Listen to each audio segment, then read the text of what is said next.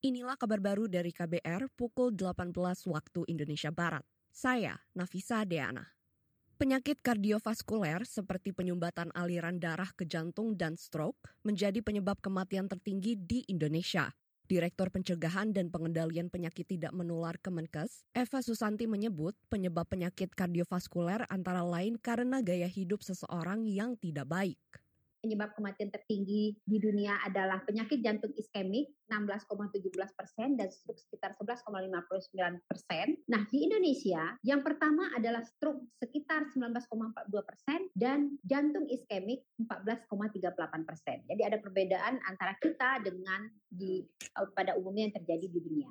Direktur Pencegahan dan Pengendalian Penyakit Tidak Menular, Eva Susanti menambahkan, tahun lalu pembiayaan untuk penyakit kardiovaskuler lebih dari 15 triliun atau salah satu yang terbesar. Saudara, Hari Jantung Sedunia diperingati Saban 29 September. Tema kali ini adalah Kenali Jantung Sehatmu, Sayangi Hidupmu. Kita ke informasi lain. Kondisi industri tekstil dalam negeri saat ini lebih lesu ketimbang saat pandemi COVID-19.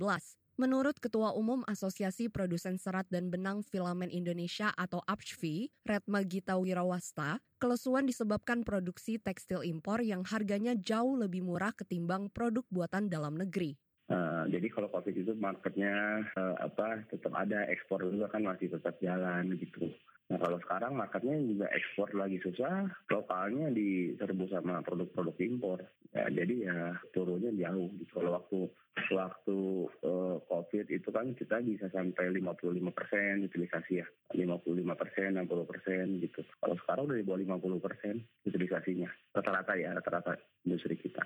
Ketua Umum Asosiasi Produsen Serat dan Benang Filamen Indonesia Retma Gita Wirawasta menambahkan, lesunya industri tekstil lokal sudah terjadi sejak kuartal ketiga tahun lalu. Sebelumnya, pendapatan sejumlah pedagang di Pasar Tanah Abang Jakarta Pusat menurun hingga 60 persen. Penurunan itu seiring perkembangan penjualan daring semisal lewat live TikTok. Akibatnya, konsumen berpaling. Kita ke informasi selanjutnya. Kereta cepat Jakarta-Bandung KCJB bernama Wush siap beroperasi secara komersial bulan depan. Tarifnya Rp350.000 per penumpang. Namun kepastian itu masih menunggu arahan pemerintah. Sekretaris Perusahaan PT Kereta Cepat Indonesia Cina KCIC Eva Hairunisa mengeklaim sejauh ini tidak ada kendala dari sisi operasional, baik sarana maupun prasarana. Kata dia, kereta cepat Jakarta-Bandung akan melewati dua tahap uji coba hingga akhir bulan ini. Proyek transportasi ini memiliki jalur sepanjang lebih dari 142 km.